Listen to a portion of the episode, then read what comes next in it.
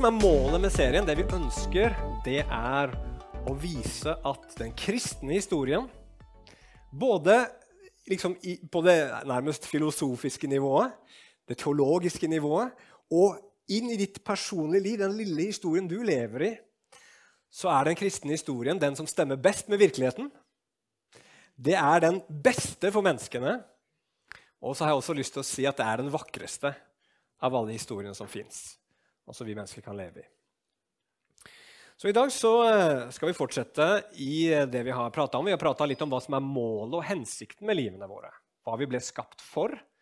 Og Nå skal vi snakke litt om hva som er problemet i tilværelsen. Hva er det som er problemet i denne verden? Hva er det som er problemet med oss mennesker? For jeg tror det er noe alle mennesker er enige om, og det er at den verden her har et problem. Verden er ikke som den skal. Det er noe galt. Det er noe galt når det er fullt av ondskap, av urett, av sultekatastrofer, fattigdom, sykdom, smerte osv. osv. Og så er spørsmålet hvorfor er verden på den måten? Og Bibelen, den kristne troen, gir et svar på det som kan oppsummeres i ett eneste ord. Et ord som er så upopulært og så utskjelt at selv kristne vegrer seg for å bruke det ordet. Og det er ordet synd. Synd er problemet i verden i dag. Bak alle våre problemer så befinner det seg et hovedproblem, et fundamentalt problem, og det problemet er synd. Og siden det er et såpass eh, krevende tema, og et, et tema som sikkert trengs å rettferdiggjøres litt ekstra òg, siden det er såpass betent og litt sånn ubekvemt, så har jeg tenkt å bruke tre søndager på det. Så det blir tre ubekvemme søndager her nå. Og vi skal bare snakke om synd.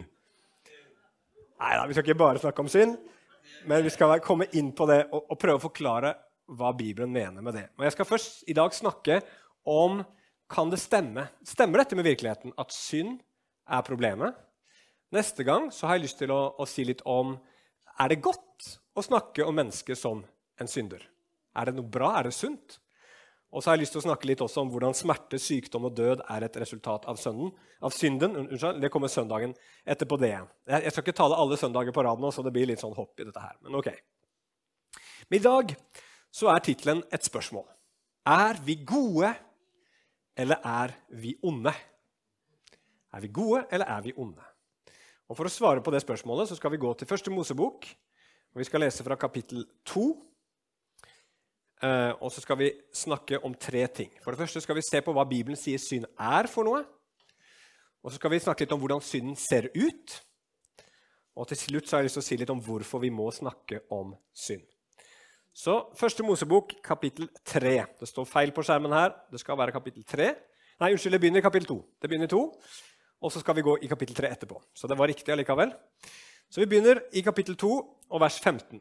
Og der står det så tok Herren Gud Adam og satte ham i Edens hage, så han kunne dyrke den og ta vare på den.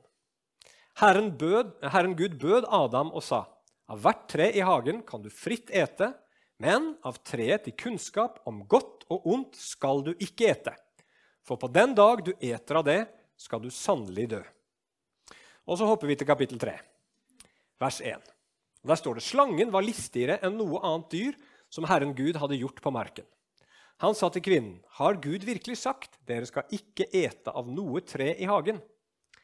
Men kvinnen svarte slangen, 'Vi kan ete av frukten av trærne i hagen,' 'men om frukten på treet som er midt i hagen, har Gud sagt:" 'Dere skal ikke ete av den, og ikke røre den, ellers skal dere dø.' Da sa slangen til kvinnen, 'Dere skal slett ikke dø.' For Gud vet at på den dagen dere eter av det, skal øynene deres bli åpnet. Dere skal bli slik som Gud og kjenne godt og ondt. Da kvinnen så at treet var godt å ete av, at det var en lyst for øynene, og et tre til begjær siden det kunne gi forstand, tok hun av frukten og åt. Hun ga også sin mann, som var hos henne, og han åt. Da ble øynene åpnet på dem begge, og de skjønte at de var nakne. De flettet sammen fikenblad og dekket seg til nedentil.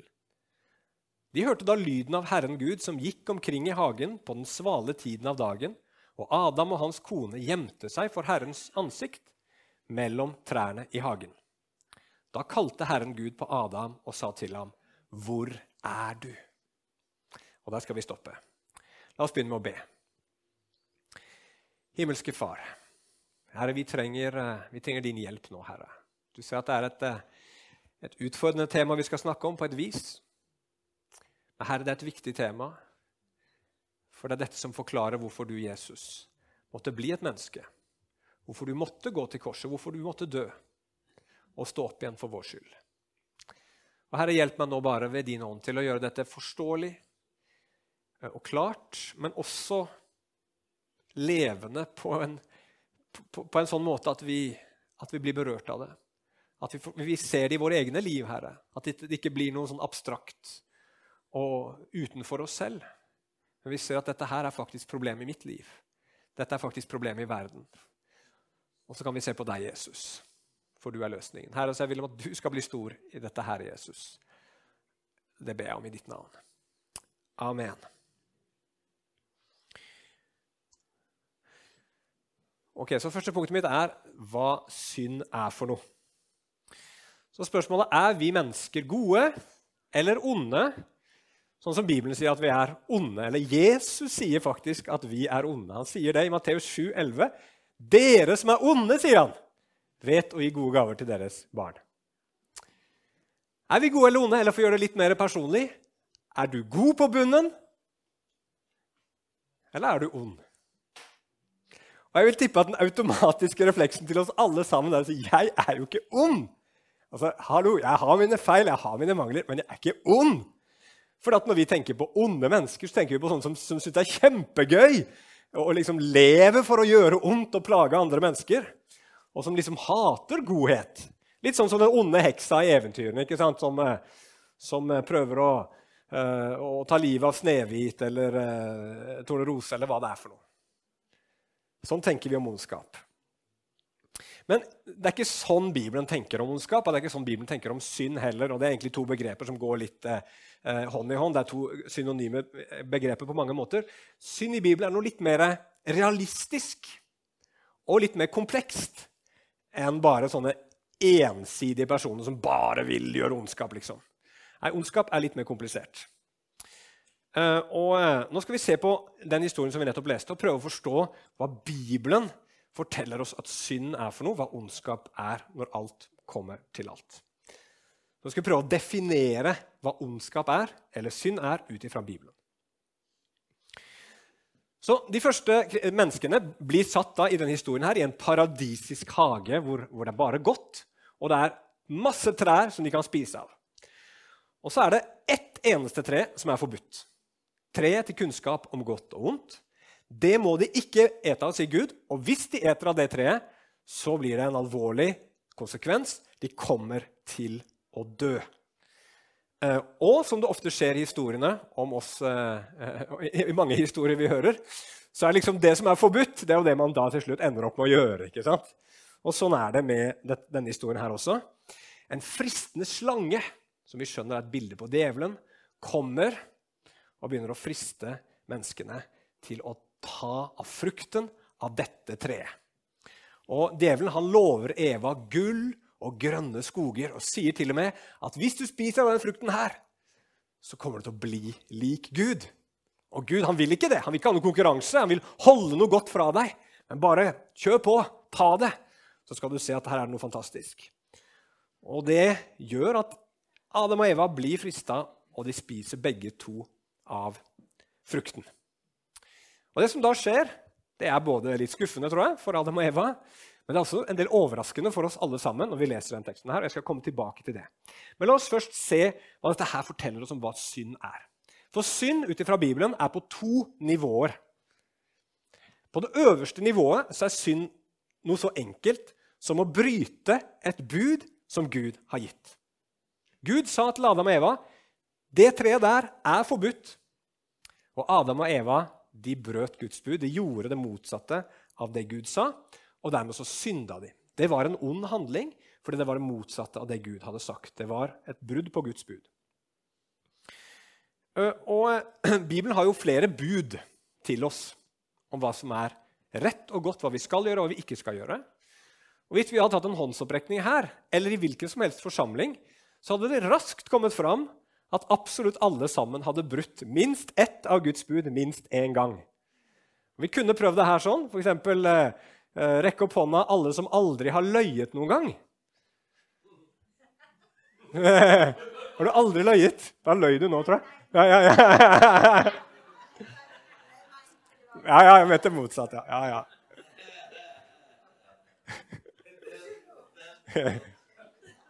Ja, nå hadde jeg blitt overrasket. Du vet det fortsatt. Yes. Og sånn er det. Alle sammen har brutt et av Guds bud, og løgn er det enkleste, for der er det ingen som har klart å holde seg på den smale sti. Veldig, veldig enkelt. Andre bud, Det er ikke, kanskje ikke så mange som har drept mennesker her, men vi er alle sammen uh, skyldige i å ha brutt veldig mange av Guds bud. Alle sammen. Og da har man synda. Og veldig ofte så mener vi at det er galt. Vi mener at det er galt å lyve. Men vi gjør det ofte allikevel for det. Så det er liksom det øverste nivået for synd. Synd er å bryte Guds bud. Men så fins det et lag under eh, eh, som på en måte er hovedårsaken til at vi synder. Og at vi bryter Guds bud, er på en måte bare et symptom på noe som er dypere. Og det ser vi her med Eva. For Gud, eh, eller unnskyld, djevelen, han lover Eva at hvis hun spiser av denne frukten, her, så skal hun bli lik Gud. Og det er når Eva hører det, at Oi, kan jeg bli lik Gud? At plutselig dette treet her begynner å bli så veldig fristende. Og Så begynner hun å se, og så står det at hun sier at så at treet var godt å ete av, det var en lyst for øynene, og et tre til begjær, siden det kunne gi forstand.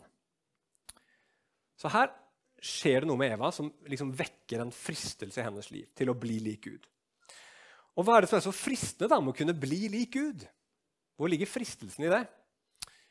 Jo, fordi at når du og jeg blir li, eller forsøker å bli lik Gud, så handler det eh, ikke nødvendigvis om å måte, gå og prøve å få en plass på tronen i himmelen, men det handler egentlig ganske enkelt om å sette seg selv i sentrum for tilværelsen.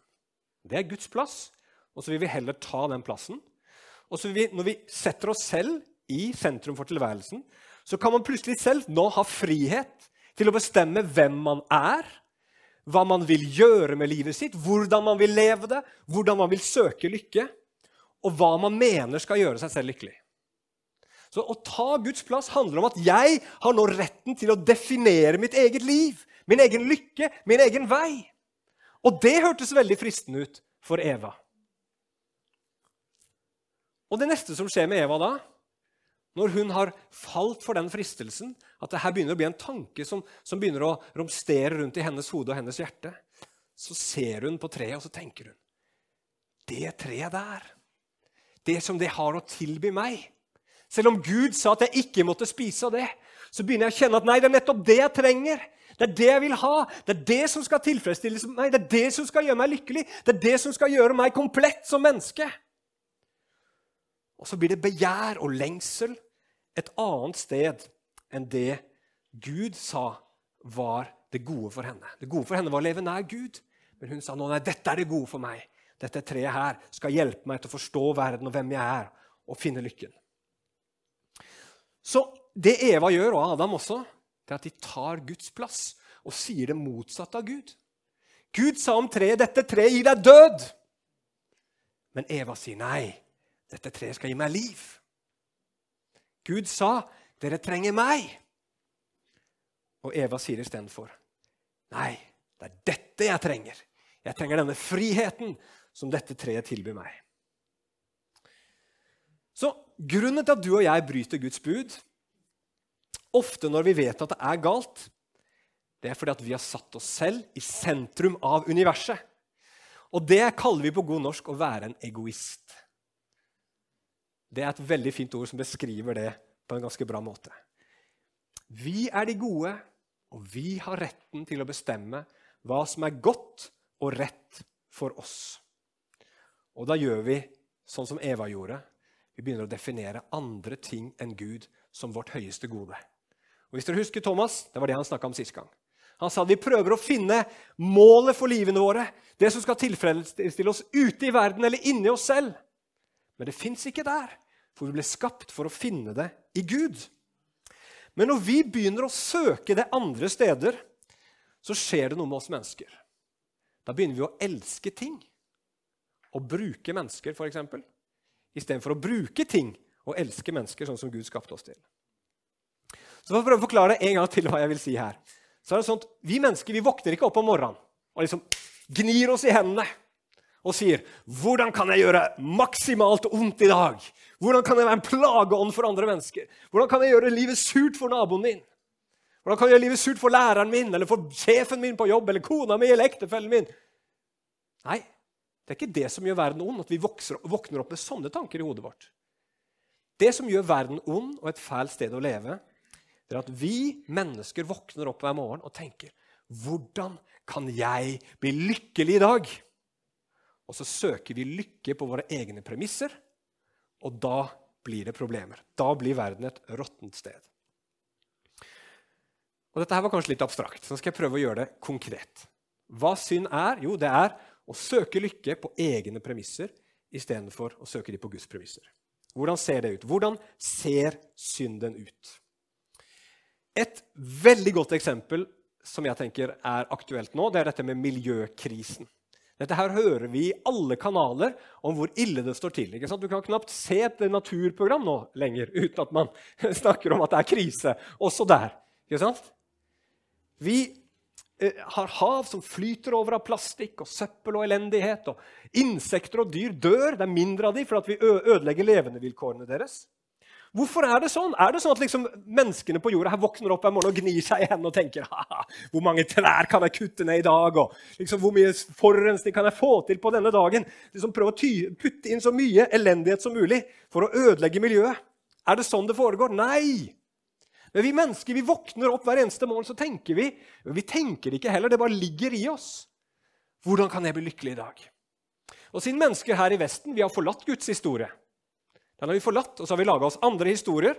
Og den historien som er den mest populære, det har jeg vært inne på tidligere, her i vår del av verden, det er materialismen. Som sier at skal du bli lykkelig, så må du få flere ting. Nyere ting, finere ting. Du må reise på finere, flere ferier. Du må ha finere klær. Du må, du må ha mer. Hele tiden mer, mer, mer, mer, mer. Og fordi vi mennesker søker lykke i ting og aldri blir fornøyd, kan ikke bli nok. Kan ikke få nok ting til å bli lykkelig. Så lider planeten under det. For vi vil stadig ha mer, og derfor må vi ta og ta og ta og utnytte. Og så driver vi rovdrift på naturressursene. Vi, vi, vi, vet jo at naturen er viktig, vi vil jo bry oss om den. Men det er noe annet som er viktigere for oss. Og Derfor så er vi alle sammen med på å ødelegge planeten vår. Fordi vi hele tiden kjøper, kjøper, kjøper ting som må produseres og som forurenser, og som må tas av de forskjellige naturressursene som fins rundt omkring. Så det begynner med en lengsel etter lykke, men det ender opp med at vi bryter Guds bud. Begjær ikke, sier Gud, men vi begjærer og begjærer. Og så ødelegger vi planeten vår. Skjønner dere hva jeg mener? La oss ta et annet konkret eksempel. Baksnakking. Jeg vet at det ikke er et problem for noen her, men vi tar det som en sånn rent teoretisk øvelse her. Eh, jeg, hadde, jeg, kom over noe som het Den store syndeboken her på biblioteket på Nærbø for noen år tilbake. Jeg tenkte, Det er noe for meg, tenkte jeg. Eh, og Det er en bok for barn som handler om de syv dødssyndene. Vi skal ikke gå inn på de, men de syv dødssyndene er noe som den katolske kirke bruker en del tid på. Eh, og, og, og, sier det er noen spesielle synder som skiller deg fra Gud, som er mer alvorlige enn andre, andre synder. Og De syndene kan høres litt sånn gammelmodige ut og litt sånn utdaterte, sånn som fråtsing f.eks. er en, eh, en dødssynd. Så noen, disse Forfatterne av den boka de gikk til noen barn og så hørte de med de hva de syntes om disse syv dødssyndene, og hørte om de kunne komme med noen andre forslag til hva de mente burde være de syv dødssyndene. Og Her ser dere en sånn liten liste. Og På den lista så hadde de sagt da baksnakking som en på en måte av de verste syndene som de kunne tenke seg. Eller de verste tingene man kan gjøre. Uh, og da tenkte jeg når jeg leste den boka, at det er et par ting som er veldig interessante. Først er jo at uh, hvordan vi mennesker er veldig glad i å lage regler og, og, og, på en måte være lovgivere. Vi liker å si hva som er rett og galt. Det handler jo også litt om at vi setter oss i Guds plass. gjør det ikke det? Og det er ikke alltid de reglene vi lager, er dårlige. De kan være veldig gode. Baksnakking er galt, det er jeg helt enig i. Og så er det veldig fascinerende da, at man lager sånne regler som man sjøl ikke klarer å holde. Jeg kan garantere at alle disse barna her de har brutt alle disse dødssyndene de sjøl har funnet på. Det gjør vi alle sammen. Vi setter en standard. alle sammen. Det er galt å baksnakke. klart det er det.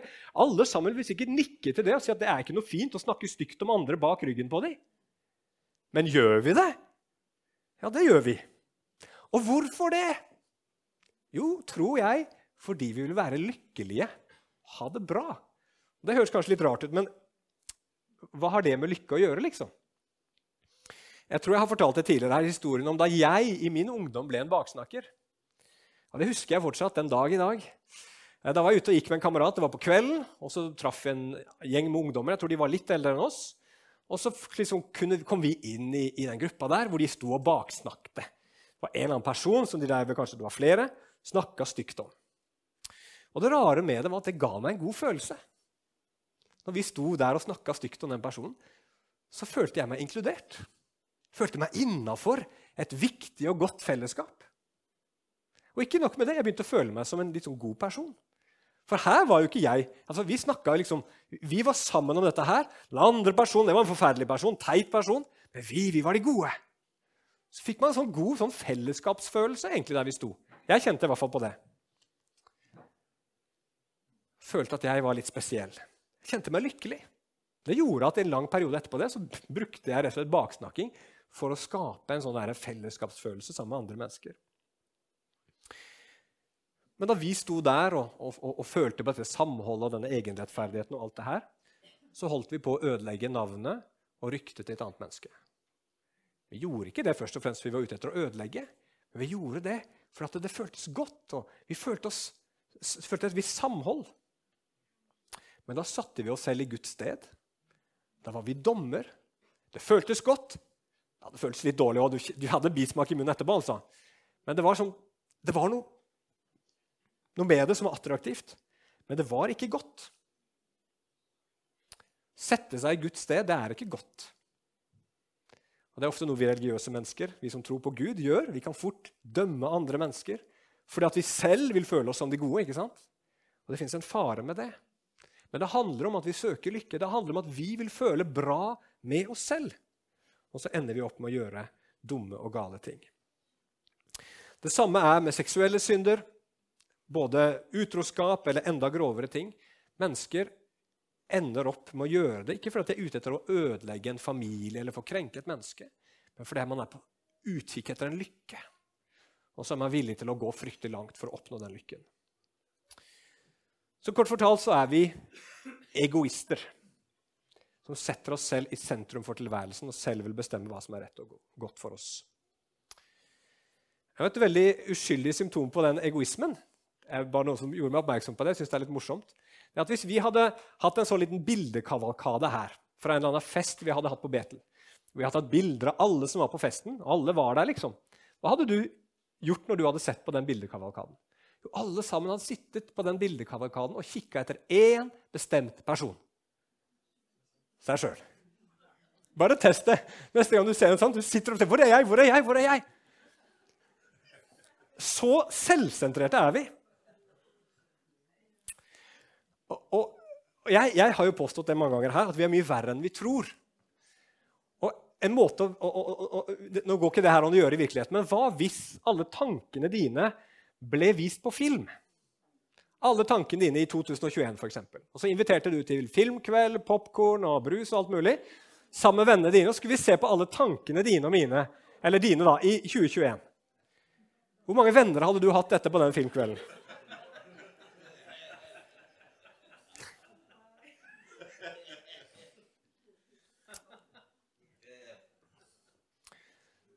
Er vi gode, eller er vi onde? Ut fra Bibelens definisjon på ondskap så er vi onde. Vi setter oss selv i sentrum, og vi lever på våre egne premisser. Og dermed så gjør vi masse dumme og gale ting. Og jeg tenker at skal, mange, mange, mennesker i dag sier ok, mennesket er godt. Man mener det. Det er forskjellige meninger om det. Men veldig mange mennesker at på, mener at man er god på bunnen. Men hvordan kan man vite at noen virkelig er god på bunnen? Hva slags test må man utsette det mennesket for for å se at den personen er virkelig god på bunnen? Jo, det er akkurat på samme måte som når du skal ta, teste noens intelligens. Du kan bare teste et annet menneskes intelligens hvis de, lov, hvis de tar testen uten noen hjelpemidler. Og På samme måte kan du bare vise at du er god når din godhet blir testa uten hjelpemidler. Når du tar en eksamen og du har Google ved siden av deg og kan bare taste, og du svarer rett på alle spørsmålene, så viser det ingenting om hvor intelligent du er. Og hvis du står i en situasjon hvor du har et valg mellom det gode og det onde, og det gode lønner seg for deg At folk kommer og heier på deg hvis du gjør det gode, og du føles godt å gjøre det gode, så har du masse hjelpemidler. Og da velger du det gode. Men hvis du kommer i en situasjon hvor ingen ser deg, hvor du ikke har noen ting å vinne på det å være god, og du bare taper personlig på å gjøre det gode, da ser man hva som bor i deg.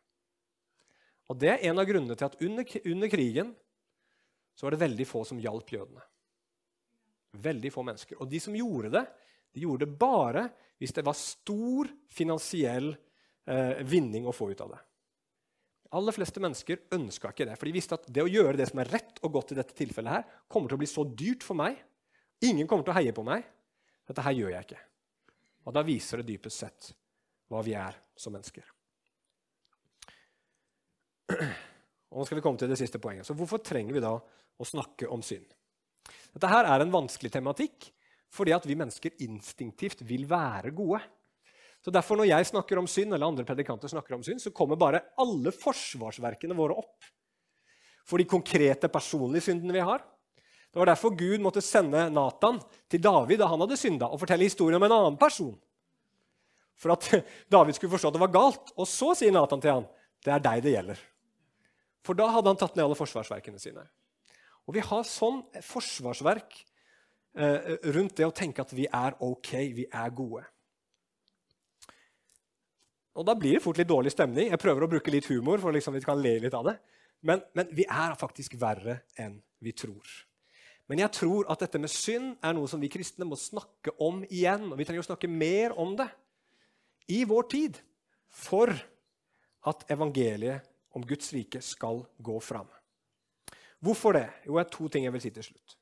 For det første, bare da så kan vi forstå alvoret i vår stilling framfor Gud. For noen år siden så var det reklame, sjokoladereklame som sa det er lov å la seg friste. Kan man ha hørt den? Ja, Dere tenker sikkert på sjokolade nå, men jeg skal ikke drive noen reklame for Minde her nå. så jeg nevner ikke det. Men altså, der, der ligger det en sånn tanke bak. ikke sant? At, at synd og fristelse det er liksom noe som, ting som ikke er så veldig alvorlige, men som religiøse autoriteter har, har, lagt på oss for å gjøre livene våre litt surere og for å kontrollere oss. Og Dette her er noe som vi må løsrive oss fra. Vi må bli frie. Har du lyst, har du lov, sier man i dag. Og det er klart Vi kristne har misbrukt ordet synd. Det skal jeg ikke legge skjul på. Det har Vi gjort. Vi har satt det som en merkelapp på ting som ikke er synd. Og Det er feil. Det er galt. Det skal vi ikke gjøre. Men når vi forstår synd rett, så er det et ord som bærer med seg et enormt stort alvor. Synd er noe veldig alvorlig. For det er ikke bare årsaken til all ondskapen i verden. Det er ikke bare pga. synden at verden er så råtten som den er. Men det er også noe som rammer Gud først og fremst. På samme måte som når noen gjør noe vondt mot noen du er glad i, så gjør de også noe vondt mot deg. Så er det sånn at Når vi gjør vondt mot hverandre, så rammer vi også Gud. Vi rammer Gud, som er godheten selv. Han som er fullkomment god. Så på mange måter, når du og jeg gjør det onde, så er det et angrep på godheten selv. Vi holder på å bryte ned og ødelegge det som virkelig er godt. Et forsøk på mange måter på å utslette godheten. Og Hvordan i all verden skal Gud reagere på det når vi som menneskehet går til angrep på det gode, ødelegger det gode, bryter det ned? Vel, En god Gud i et sånt tilfelle han gjør to ting. Han dømmer det der. Han bringer rettferdighet der hvor det er urett. Han, han, han sørger for at den ondskapen, de som har utført den, de må holdes ansvarlige. Gud opererer på den måten fordi han er god. Men ikke nok med det, han er også nødt til å putte den ondskapen i karantene. Så at den ondskapen ikke får spre seg og infisere i all evighet. Og Det er det Bibelen kaller for fortapelse. Fortapelse er Guds godhet, hvor han sier Her setter jeg en grense rundt ondskapen. Her skal ondskapen være innestengt, eh, gjemt vekk, sånn at jeg kan skape en verden og en evighet uten ondskap. Uten, uten det, det, det, ondes kraft. Og mange tenker hvordan kan Gud sende mennesker i fortapelse? Men spørsmålet er vel ikke hvordan kunne Gud gjort noe annet enn å ta alle som gjør ondskap, og adskille de av. Og putte de inn i en eller annen karantene, sånn at de ikke skal gjøre det som er ondt, og spre det rundt seg. Så alvoret i vår ondskap er så stor at du og jeg står skyldig framfor en god og hellig Gud og fortjener døden. Sånn som Gud sa til Adam og Eva. Syndens lønn er døden. Men så var det to overraskelser Adam og Eva fikk. Første overraskelsen var at de ble ikke lik Gud. Det var en skuffende overraskelse. Men den andre overraskelsen det var at de ikke døde. Og hvorfor døde de ikke? Ah, Gud gikk ut og ropte 'Hvor er dere?' Istedenfor å slå dem ned, så begynte han å oppsøke dem istedenfor. Hvorfor ikke? Hvorfor slo ikke Gud den døde der og da? Det var ikke fordi Gud løy, men det var fordi Gud er nådig. Og Det er det siste underpunktet mitt nå. Det er bare mulig å forstå nåden og bli forvandla av den når vi forstår hva synd er for noe. Vi forstår hva det virkelig er, og hva det kosta Gud. For Gud han sa til Adam og Eva syndens lønn er døden. Og han mente det, men allerede da så hadde han lagt en plan om at noen andre skulle ta den døden i stedet for dem, i stedet for alle mennesker. Og det var ikke hvem som helst. Det var han selv som skulle bli menneske. Bli som oss i alle ting, lide på alle måter som vi lider, men leve et feilfritt og hellig liv. Og så skulle han selv gå til korset for vår skyld og bære fylden, tyngden av all vår synd på seg selv. Dø for den i vårt sted. Smake døden for oss alle. Erfare den fortapelsen og adskillelsen som vi fortjener pga. våre synder. I vårt sted, alt sammen. Sånn at vi skulle kunne gå fri. Sånn at vi skulle få fellesskap med Gud. Derfor så går Gud rundt til oss syndere som fortjener døden, og så roper han fortsatt til oss, 'Hvor er du?' Hvor er du? Jeg vil ha fellesskap med deg! Jeg vil at du skal komme til meg! Du trenger ikke dø, for jeg har allerede betalt for deg på korset. Jeg har allerede gitt deg muligheten til å få tilgivelse. Døra er åpen. Du kan komme til meg. Og det budskapet der, at Gud tilbyr nåde for vår synd Der hvor syndet blir stor, blir nåden enda større. Hva gjør det budskapet med deg? Vel, Hvis du ikke forstår syndens alvor, så gjør det veldig lite med deg. Det blir litt som å være på butikken. Så har du kjøpt varer, og når du kommer i kassa, så har du ti kroner for lite. Og så er det en annen som er veldig snill og grei og sier 'jeg kan betale, det går bra'. Nå har noen betalt en gjeld for deg, men det er en liten gjeld. Det var ikke veldig stort uh, alvor over det var ikke mye som sto på spill. Du sier 'fint takk', det var hyggelig, du blir glad, men du har fort glemt det. Men det Gud gjorde for oss, det kan heller sammenlignes, og det er en dårlig sammenligning, men det er det beste jeg kommer på det at du kommer hjem en dag, og namsmannen står der. Og han skal ta alt. Alt du eier pga. din gjeld. Ingenting får du ha igjen. Og så dukker naboen din opp, han som du ikke har vært så gild med alltid. Og så sier han til namsmannen, ta mitt hus i stedet. Ta alt det jeg har istedenfor hans. Jeg gir det, sånn at han skal slippe å måtte gå gjennom det her. Hadde et menneske gjort det mot deg, så hadde du behandla den naboen ganske annerledes etterpå. Nå var det kanskje ikke nabo lenger, da, i og med at han hadde gitt bort huset sitt, men, men det Gud gjorde for oss, er mye større enn det. Han betalte en uendelig pris. Han bar en straff som, er, som ikke vi kan forstå, for å betale en gjeld som var ubetalelig. Det var bare han som kunne betale den. Og så gir han deg noe som du aldri, som er helt umålelig. Han gir deg sønnekår, barnekår hos seg. Evig liv sammen med han. Du blir hans barn. Og Når du forstår det, både hvilken pris han betalte og hvor mye han har gitt deg, og skjønner syndens alvor, så blir også nåden noe som forandrer ditt liv. Gud, når du har vært så ufattelig god mot meg, når du har gjort alt dette her, så er det ikke bare sånn at jeg vil ta imot tilgivelsen og fortsette å leve som jeg gjorde før. Nei, Nå vil jeg ha et nytt liv, Jesus. Nå vil jeg leve annerledes. Nå vil jeg at, at mitt liv skal være en, en takknemlighetsgave til deg, som viser deg og verden at jeg setter uendelig pris på det du har gjort for meg. Og det som skjer da, at da setter du plutselig Gud tilbake på plassen som er rettmessig hans. Når du forstår syndens alvor og tar imot nåden, så sier du Gud, nå vil ikke jeg lenger være i sentrum av mitt liv. Nå vil jeg at du skal få den plassen som du fortjener. Jeg vil gi deg mitt liv. Gi deg kontroll. Synd er alvorlig, men synd er den mørke nattehimmelen som evangeliets stjerne får lyse så klart og så tydelig på at den forandrer alle de som får se glansen av det. Amen. Vi skal stoppe der. Kjære himmelske Far. Takk for det du har gjort for oss. Takk for at du sendte Jesus for å dø for våre synder.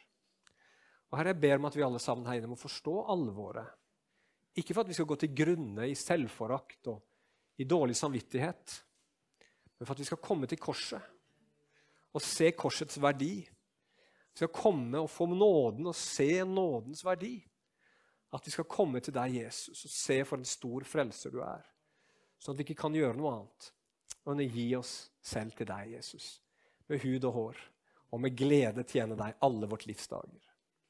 Herre Helligånd, må du bare hjelpe oss nå til å se dette, sånn at vi, Herre, kan få alle de velsignelser som følger med, og forstå evangeliet.